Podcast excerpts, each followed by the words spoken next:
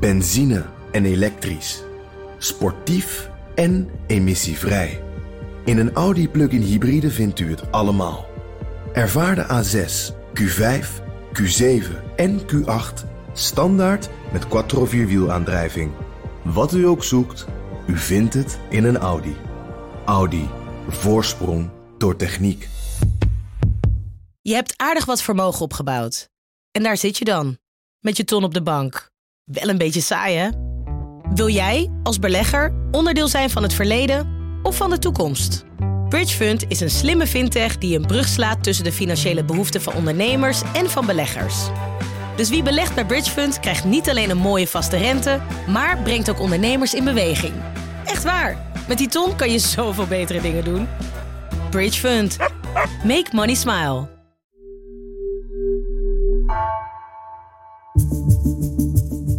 Vanaf de redactie van NRC het verhaal van vandaag. Mijn naam is Gabriella Ader.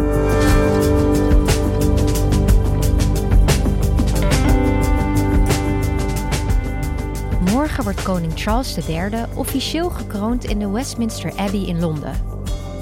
Hij wordt de koning van het hele Verenigd Koninkrijk. Maar hoe verenigd is dat koninkrijk? Correspondent Herman Staal reisde door Noord-Ierland, Schotland, Wales en Engeland om dat te onderzoeken. Kan koning Charles de boel bij elkaar houden? En zien de landen de monarchie überhaupt nog wel zitten?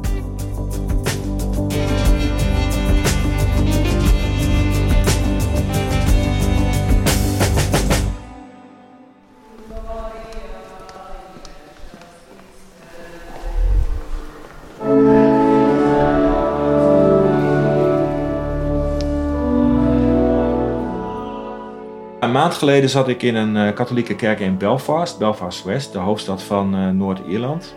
En ik was uh, net begonnen aan mijn tijdelijke correspondentschap in het Verenigd Koninkrijk. Ik ben eigenlijk chef binnenland, maar ik mag vier maanden onze zwangere correspondent Annemarie Kass vervangen. Ik was in die kerk begonnen voor een verhaal over koning Charles. En ik was daar begonnen omdat ik een verhaal wilde maken eigenlijk over wat voor koninkrijk Charles eigenlijk moet gaan leiden. Welke erfenis hij van zijn moeder krijgt als hij morgen in Londen formeel gekroond wordt. Tot de nieuwe koning van dit Verenigd Koninkrijk. En die kerk was voor mij het startpunt van deze roadtrip. Let us pray. Ja, en Herman, waarom start hij in een kerk? En dan ook in Noord-Ierland, niet in Londen bijvoorbeeld? Ik startte die dag, paaszondag was het, in die kerk omdat ik dacht van daar komen mensen samen. Ik wilde mensen ontmoeten. En de voorgangers van die kerk, die, die kennen de mensen in hun wijk goed. En ik begon in Noord-Ierland omdat ik niet alleen in Engeland wilde zijn. Maar ik wilde alle vier de landen van het Verenigd Koninkrijk bezoeken. En telkens weer onderweg met mensen spreken. Dus ook in Schotland, in Wales en zeker ook in Noord-Ierland.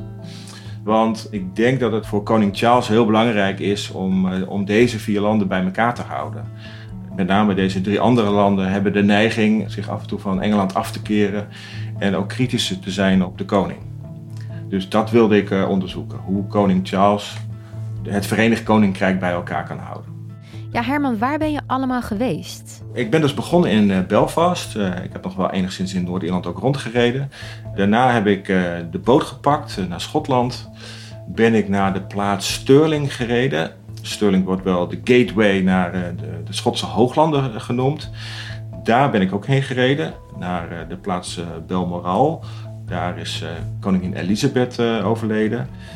Daarna ben ik naar het zuiden gereden, naar Manchester, waar ik voorlopig mijn intrek heb genomen. Maar vanuit Manchester ben ik nog weer naar Wales gegaan.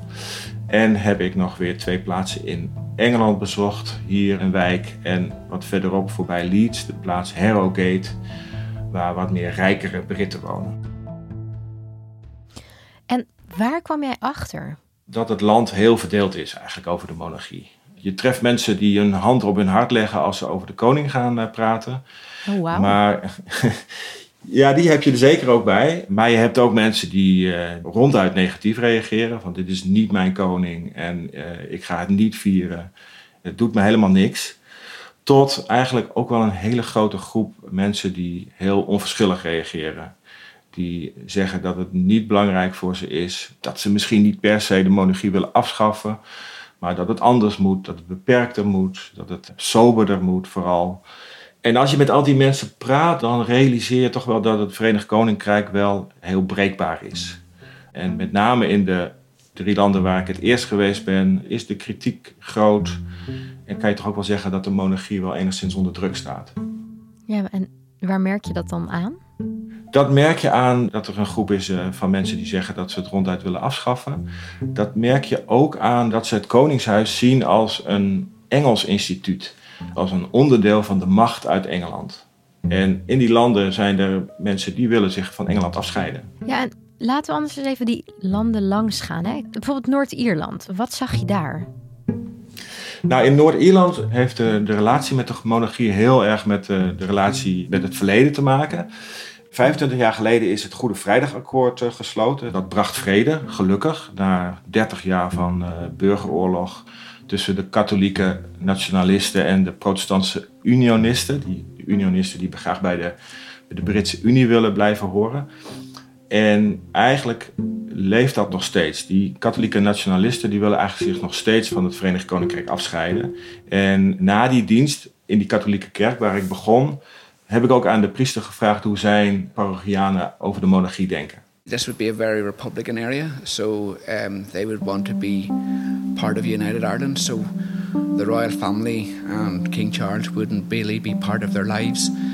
Um, they just it's just not something that they would think about. Um, there won't be any celebrations in this area because a lot of people would see them as part of the British establishment.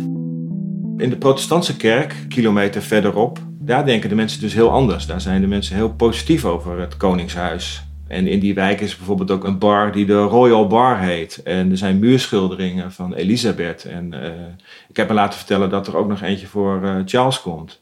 Ja, maar dus niet in het katholieke deel? Nee, niet in het katholieke deel. Deze mensen zouden het liefst een referendum willen organiseren over de toekomst van Noord-Ierland. Waarbij de uitkomst is dat ze zich bij de Ierse Republiek, dus bij Ierland, aansluiten. En uh, nu is het nog zo dat er een meerderheid uh, is van uh, ja, protestanten die ervoor zijn dat het blijft zoals het is. Maar door demografische ontwikkelingen verandert dat en kan er uiteindelijk een katholieke meerderheid ontstaan. Dus de katholieke leider van Noord-Ierland heeft ook al gezegd van dat ze een referendum wil in 2030. Als dat gebeurt, zou het kunnen zijn dat de Noord-Ieren voor afscheiding van Noord-Ierland stemmen en voor aansluiting bij Ierland. Dus dat zou dan betekenen dat het uh, eerste deel van het koninkrijk van Charles afbrokkelt. En daarna stak je de zee over naar Schotland. Voelde je daar ook dat soort spanningen? Ja, daar voelde je ook dat soort spanningen. Ik ben gereden naar Stirling. Stirling is een, een, een historische plaats waar veldslagen zijn uitgevochten. met William Wallace, beter bekend als Braveheart. Die heeft bij Stirling Bridge heeft hij de Engelsen verslagen in de 13e eeuw. Daar kwam ik een echtpaar tegen die met een kleinzoon daar uh, rondwandelde. En uh, deze man had een, uh, een van Independence Yes.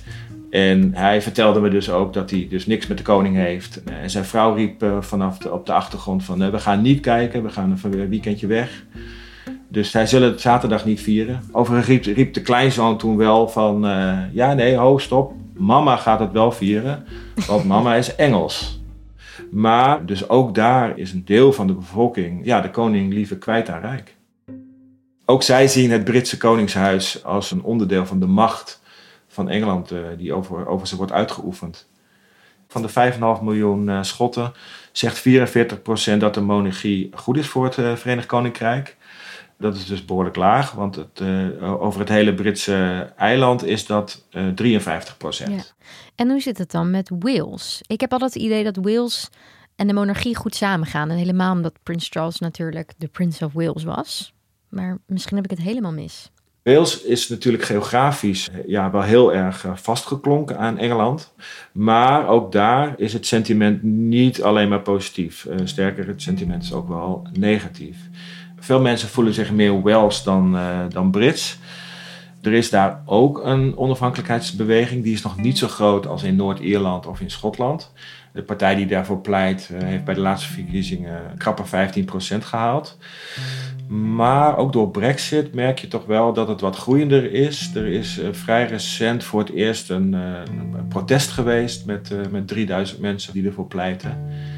Dus daar begint het ook een klein beetje te borrelen. Zo sprak ik in, de, in een winkel in een plaats in, in Wales, Carnarvon, met twee winkelmedewerkers. Carnarvon is de plek waar Charles in 1969 werd geïnaugureerd als prins van Wales. En bij deze winkelmedewerkers uh, uh, hoorde ik dat ze niet altijd een goede band hebben met Engels. Zo gaf een van de winkelmedewerkers uh, een voorbeeld toen ze eerder op die dag met elkaar Wels hadden gesproken en hoe Engelsen daarop reageerden. Because I've had it before today, people come, you know, shopping in here, and me and Gavin are talking Welsh together, and yeah. someone's turned around and said, "Can you not speak that yeah. whilst we're here?" Oh, well. so would you say that if you went to Spain? Yeah. No. Or Germany or anywhere else? Dit zeggen ze dus vaker te horen van Engelsen. Ze zijn negatief over uh, de Engelse overheersing, uh, als je dat zo kan zeggen. En ja, haar collega vertelde me ook dat ze eigenlijk door COVID wat meer zelfvertrouwen hadden gekregen. Omdat ze vonden dat hun eigen regering goede maatregelen had genomen. Wales is being more independent these days than what they used to be. I think lockdown proved that really with so, between yeah. Boris and the Welsh government. Yeah. They were showing more independency, what they thought would benefit Wales instead of England as well. They did really well um, to protect Wales, really. Yeah. Yeah. En ook al was uh, Charles tot een jaar geleden de prins van Wales, die titel die droeg hij dus sinds uh, 1969. Deze twee merkten daar de afgelopen jaren heel weinig van. Not in my opinion. No. No. There was never anything. Maybe in the big cities, but not in little towns like this, I don't think. Because I haven't benefited personally from it. No. Yeah, and I don't think anybody I know that has as well. No. Either, to be honest. Yeah. En verschillende mensen in Wales zeiden me dat die titel van Prince of Wales, dat bevalt ze helemaal niet zo goed. Want daarmee hebben ze het gevoel dat de koning Wales weggeeft aan de prins. Dus dat Wales een soort cadeau is voor de prins. Zoals William nu ook Prince of Wales is. Veel mensen in Wales ja, zijn daar niet zo over te spreken. Nou, als ik jou zo hoor, Herman, hè, aan de vooravond van de kroning, zie je toch eigenlijk een koninkrijk met heel veel barsten. Ja, dat klopt. En die barsten die zijn de laatste jaren wel enigszins versterkt door de economie. En die economie die staat natuurlijk uh, heel erg onder druk uh, door Brexit. Brexit is toch iets waar mensen ook heel snel over beginnen. Dat ze dat een, uh, een foute beslissing vinden. En Brexit heeft geleid tot een economische krimp, in tegenstelling tot bijvoorbeeld bij ons. En dat heeft gevolgen voor het leven van mensen. Producten zijn duur, producten zijn schaars geweest. Vlak voordat ik kwam waren de tomaten uh, niet te krijgen bijvoorbeeld. Er is armoede, mensen uh, moeten de eindjes aan elkaar knopen. En de Noord-Eerste priester die ik uh, sprak in, in het begin van mijn reis, die vertelde ook dat zijn de mensen in zijn buurt hier mee worstelen. We would be one of the most economically deprived um, council wards in Northern Ireland. There'd be a lot of unemployment uh, in this area, so um, we would have people coming to our doors asking money for for gas, for heat, for food for their children at this time. So the people are struggling, are struggling a lot. Er is ook veel sociale onrust, ook meer dan uh, bij ons. Er zijn stakingen van allerlei uh, groepen, van verpleegkundigen, leraren, de artsassistenten, de ambulance-medewerkers. Soms lijkt er een doorbraakje te zijn en dan, dan gaat het toch weer verder. Dus uh, ze eisen 19 procent, dat, dat zegt denk ik ook wel iets, om hun kosten te compenseren. Dat is een enorm, enorm bedrag. Daar loopt het dus ook op vast. Het, het, zijn moeilijke tijden hier. Ja, dus onder dit gesternte, de economische crisis, maar ook het gevoel van nationalisme wat opleeft uh, in de drie landen waar ik was, wordt Charles morgen gekroond als koning. Ja, en wat ik me dan meteen afvraag is, het klinkt allemaal zo versnipperd, die landen die nu bij het Verenigd Koninkrijk horen. Kan Charles dan iets doen om de boel bij elkaar te houden als koning? Ja, als, als koning heb je natuurlijk op zich beperkte macht. En hij heeft geen harde politieke macht. Maar een koning kan wel mensen bij elkaar brengen. Kan wel een, een soort verbindende kracht uitoefenen. En daar was zijn moeder uh, heel goed in. En hij heeft hele grote schoenen om uh, te vullen. Elisabeth is uh, 70 jaar koning geweest. Was heel populair. Zeker in de laatste fase van haar eh, leven. We zijn soms vergeten dat heel negatief tegen haar werd aangekeken bij het overlijden van prinses Diana. Maar dat heeft ze uiteindelijk doorstaan en ze is heel populair overleden. Ja, en dat gat moet Charles zien te vullen. En dat zal niet eenvoudig voor hem worden. Hij is minder populair. Hij heeft veel kritiek op het feit dat hij zo rijk is. Er zijn berekeningen van bijvoorbeeld The Guardian, die hebben uitgebreid onderzoek gedaan dat hij een vermogen heeft van 2 miljard. Daar fronsen mensen hun wenkbrauwen eh, uiteraard over. En ja, hij heeft dus veel minder tijd dan zijn moeder eh, had om die populariteit uh, nog op te bouwen. Hij zal geen 70 jaar uh, meer koning zijn, zoals zijn moeder. en, en er, er, er, waren dus ook mensen die zeiden tegen me van... hij had eigenlijk moeten overslaan. Hij had de, het stokje meteen aan William moeten geven. Zodat William weer zo'n lange periode van vertrouwen kan opbouwen. samen met Kate die een stabiele indruk maken. Maar goed, dat heeft hij niet gedaan. Hij wilde zelf nog uh, koning zijn. En uh, hij krijgt een helft job. En morgen is het zover. Hè? Dan wordt Charles dus tot koning gekroond. Wat kunnen we verwachten? Ja, morgen om uh, half elf lokale tijd. Dan is het dus in Nederland half twaalf. Vertrekken Charles en Camilla met de koets uit Buckingham Palace richting Westminster Abbey. Daar gaat de kroning uh, plaatsvinden. in de Abbey wachten zo'n 2000 eh, gasten. Dat is al een, eh, een teken destijds. In 1953 uh, had Elisabeth 8000 mensen uitgenodigd. Dus dat, dat, dat duidt er al een beetje op oh, dat, hij het, uh, dat hij het een klein beetje beperkter wil uh, houden. In, in, de, in de stoet, iets bescheidener. In de stoet lopen ook niet 12.000, maar 4000 militairen mee.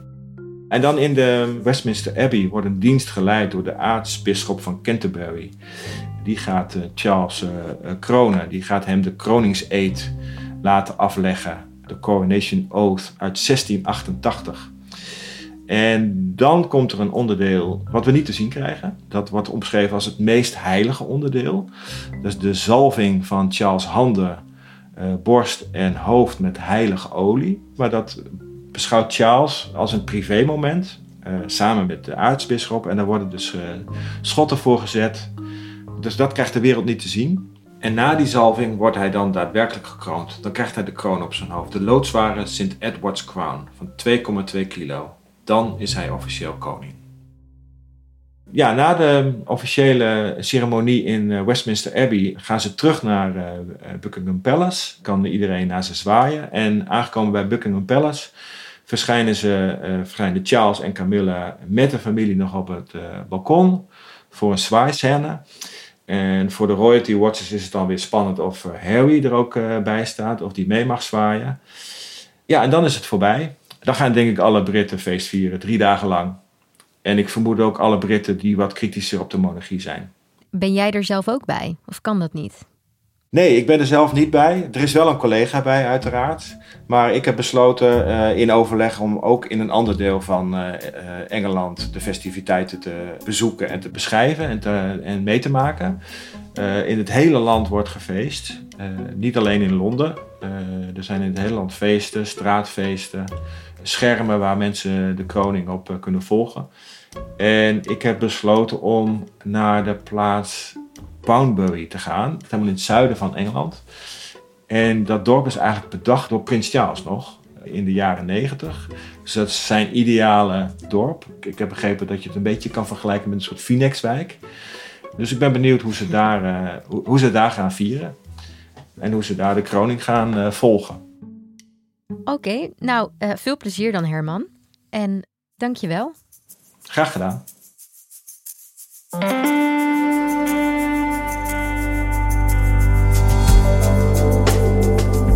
Je luisterde naar vandaag, een podcast van NRC. Eén verhaal, elke dag. Deze aflevering werd gemaakt door Ignaas Schoot en Jeroen Jaspers.